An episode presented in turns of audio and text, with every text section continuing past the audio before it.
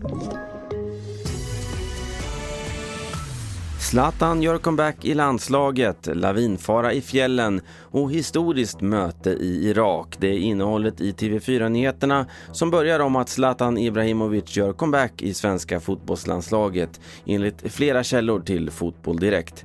Sajten rapporterar att 39-åringen är uttagen till landslagets tre VM-kvalmatcher redan om ett par veckor. Men det är inte säkert att han kan spela, det säger vår fotbollsexpert Olof Lund. Man får ju faktiskt ta med att Zlatan just just nu är skadad. Eh, missade matchen mot Udinese i veckan. Väntas inte vara med mot Verona imorgon. Så att liten brasklapp skulle jag ändå flika in eh, sett till att eh, slå fast att någonting är klart. Naturvårdsverket har utfärdat en stor lavinfara i fjällen under dagen. Det här gäller för Abisko och Riksgränsfjällen, Kebnekaisefjällen samt i västra Vindelfjällen. Mer om det här på tv4.se. En studie på Uppsala universitet visar att hormonstörningar hos grodor på grund av miljögifter går i arv. Grodorna i studien fick barn med försämrad fortplantningsförmåga och deras barn fick i sin tur en störd ämnesomsättning. Cecilia Berg är en av forskarna.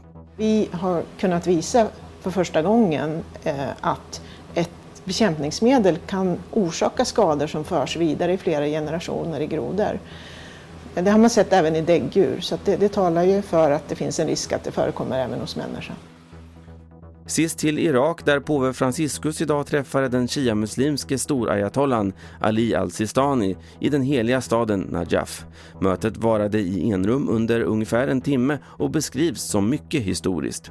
TV4-nyheternas Therese Kristiansson är på plats i Bagdad alltså två av världens viktigaste religiösa personer, att de nu möts för första gången här i Irak, i civilisationens vagga. Det är oerhört stort, inte minst från alla de kristna som har tvingats att fly på grund av förföljelse och sitter runt om i världen och vill höra vad som kommer ut av det här mötet. Och det får avsluta TV4-nyheterna med Carl-Oskar Alsen.